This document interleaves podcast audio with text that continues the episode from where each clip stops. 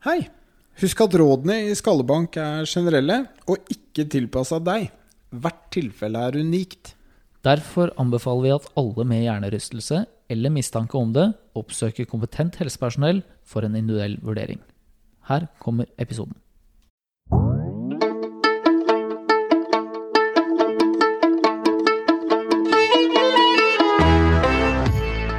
Hei, og velkommen til eh, Skallebank, podkasten om hjernerystelse. Mitt Ja. navn det er eh, Lars Martin Fischer. Og Jeg heter Narve Bjørneseth. Og i dag så har vi en gjest. Hva heter du? Sissel Øverbø, og jeg er psykolog. Ja. Fordi en del av symptombildet etter en hjernerystelse, det er jo eh, psykiske endringer. Noen kan oppleve å bli deprimerte. Noen kan oppleve å ha humørsvingninger. Noen kan oppleve ja, at, at hodet rett og slett ikke fungerer helt som før.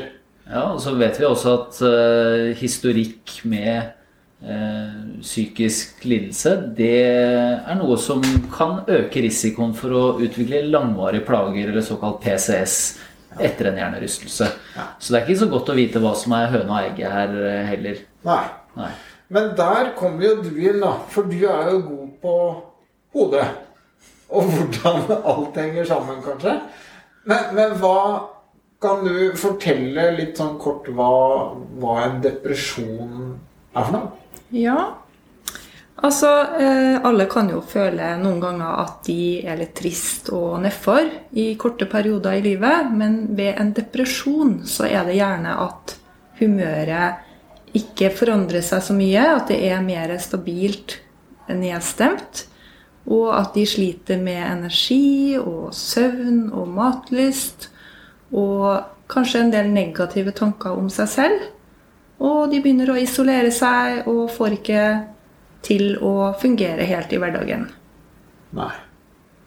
Så bare det å være litt nedfor, og er det liksom en glidende overgang? Eller er det liksom noen sånne distinkte parametere som man må krysse av for at du liksom er deprimert? Man kan jo tenke at det fins eh, forskjellige grader av en depresjon.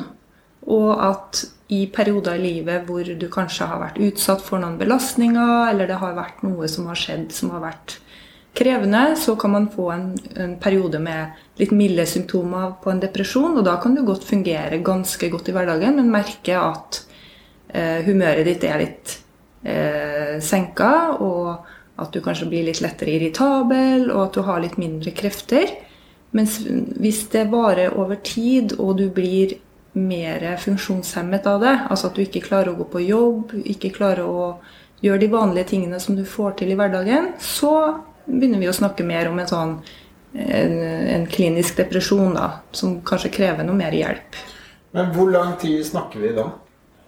Nei, da skal du helst ha vart i noen uker eller måneder, da. Altså at Ja. du ikke på en måte Ikke at du bare er trist en dag eller to, men at det varer over litt lengre tid. De dårlige hårdagene, de teller ikke. Nei. Nei. Hvem er det som kan sette en diagnose med depresjon? Kan en fastlege gjøre det, eller må de til eh, psykolog, psykiater? Mm, fastlegen stiller depresjonsdiagnose. Da eh, har man en samtale med fastlege, og fastlege kan kartlegge litt med et spørreskjema. Høre litt hva, hvor, det her, hvor lenge det har vart. Og, og, og, og veldig mange depresjoner blir jo håndtert gjennom fastlegen. At kanskje de får noen råd fra fastlegen om hva de kan gjøre for å endre på sin situasjon. Eller at de får også noen medisiner da, for å få økt stemningsleie litt. Ja, det er de berømmelige SSRI eller SNRI. Er det det samme som lykkepiller? Det er det som folk refererer til som lykkepiller, ja. Ja. Ikke sant? Cipralex er jo en av de som blir nevnt ofte, Ja. vet jeg. ja. I tillegg så kan jo fastlegen eh, sjekke om det er eh, fysiske grunner til at du har eh, endring i humøret. Det kan jo være vitaminmangel eller stoffskifte eller andre ting som kan være aktuelt å få sjekka ut. Og fastlegen har også oversikt over tilbud i kommune eller i bydel psykisk helsevern kan henvise deg videre. Men nå, nå er det jo sånn at vi har jo laget den poden her med utgangspunkt i hjernerystelse. Og da må vi jo nesten anta da at eh, Eller ikke anta, det var feil sagt, men i forhold til det du sa i sted om, om at eh, er du deprimert eller psykisk nedstemt før smellen inntreffer, så har det en tendens til å kunne vare lenger. Det vet vi. Mm. men la oss da si at du ikke er det. Og så får du et hodetraume. Det er diagnostisert hjernerystelse. Og du blir skikkelig nedfor av det. Eh, må vi da allikevel vente så lenge, når vi, når vi på en måte vet at det er et traume som har ført til en endring? Eller kan man begynne å jobbe med disse psykiske prosessene på et tidligere tidspunkt da? Nei, for da har du jo en klar årsak, antageligvis, ikke Ja. sant? til at, hva som har ført til den, eh, det humørendringa. Ja. Så da tenker jeg at da er det bare å begynne. Og det Ja. samme gjelder jo hvis du er, har vært utsatt for noe eh, litt spesielle belastninger i livet ellers òg. Ja. Så det å, å, å bare ja, begynne å gjøre det som, som vi vet hjelper ved depresjon. Ja, for det er jo noen som utvikler posttraumatisk eh, stressyndrom og lignende. Altså er det Kan det føre til en depresjon, eller er det noe helt annet? Det er litt godt spørsmål, egentlig. Det, de forskjellige psykiske lidelsene overlapper jo gjerne. Men en, en PTSD kan komme i kombinasjon med en depresjon. Man kan gjerne ha begge deler.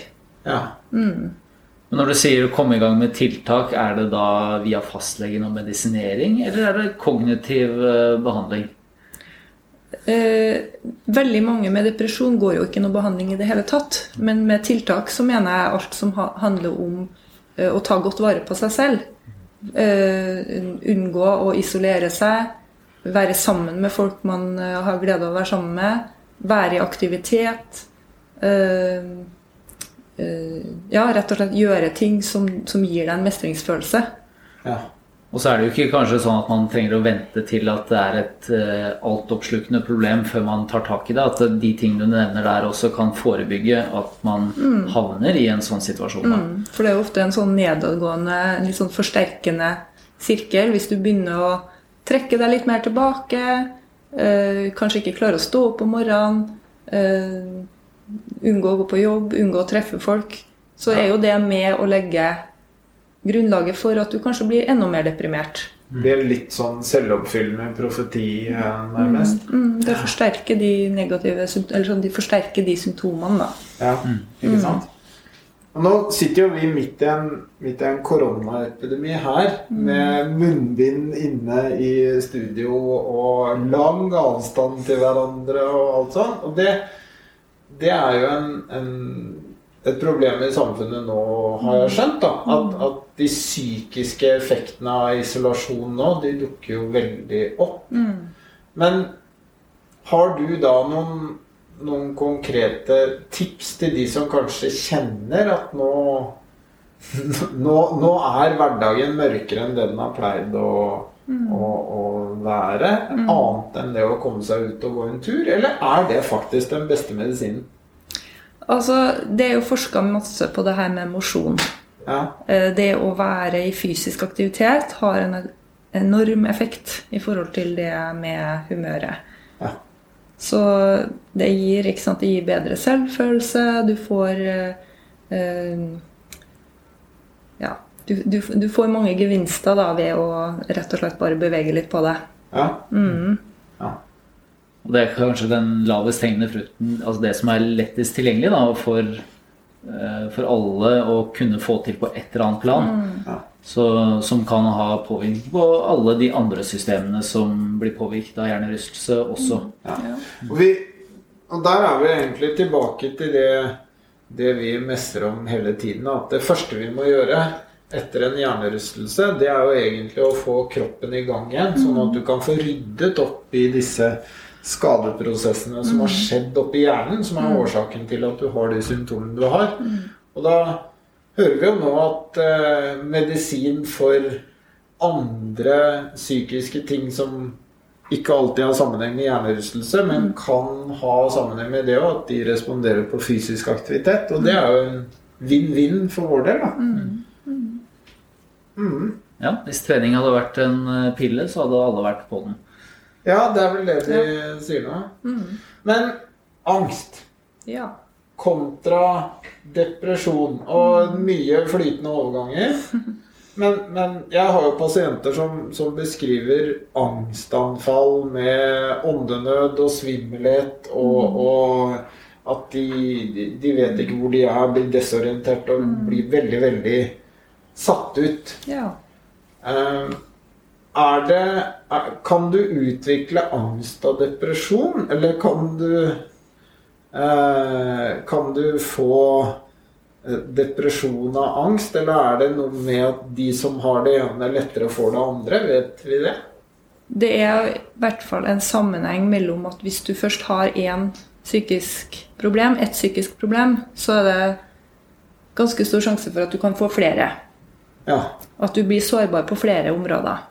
Ja Sånn at, sant? sånn at uh, hvis du er mye plaga med angst, så kan du kanskje bli veldig sliten av det og på en måte også få en depressiv reaksjon etter hvert. Ja. Og litt andre veien òg, at er du mye deprimert, så kanskje du isolerer deg mye, eller føler deg på en måte mindre mestrende da, på noen områder i livet, og så kan det på en måte slå følge med en angst da, for å fungere i hverdagen. Da. Kanskje du blir litt engstelig, sosial angst, blir litt tilbaketrukket. Ja, Ja. ikke sant? At de, at de liksom henger litt sammen, og mange sliter jo med begge deler. Ja. Ja. Jeg tenker jo det at eh, angst kunne vi jo fylt en, en episode med seinere, og sikkert i humørsvingningene og alle andre ting som, som er psykiske påvirkninger etter en hjernerystelse. Så Og det- vi i hvert fall opplever her, og, og som vi prøver kanskje å ta litt tak i med å snakke om hjernerystelse, er jo det at mange er, eh, er redd for og engstelig om å gjøre noe feil da, etter at de har fått en hjernerystelse. Det er påvirkning av hodet.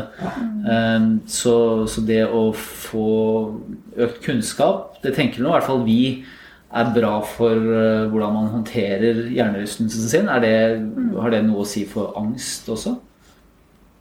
Er det bra å vite. Ja. Det er alltid bra å vite, og, og da senker det kanskje terskelen også for å, å prøve seg litt fram. da.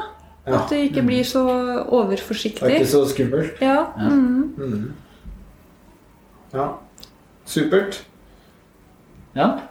Dette her er jo et eh, gigantisk felt som vi sikkert kunne snakke masse om, men nå har vi i hvert fall fått toucha på de to vanligste.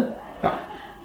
Så jeg tenker det at eh, vi avslutter i dag, og så kan vi heller ta og prøve å få til noen seinere episoder hvor vi snakker mer hode og mer med Sissel. Takk for i dag. Takk for i dag. Takk for i dag.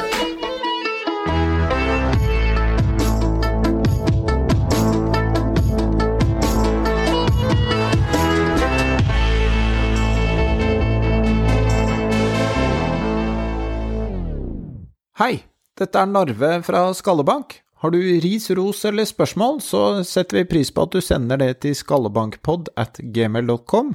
Du kan også følge oss på sosiale medier under Skallebank hjernerystelse. Det finner du både på Instagram og på Facebook.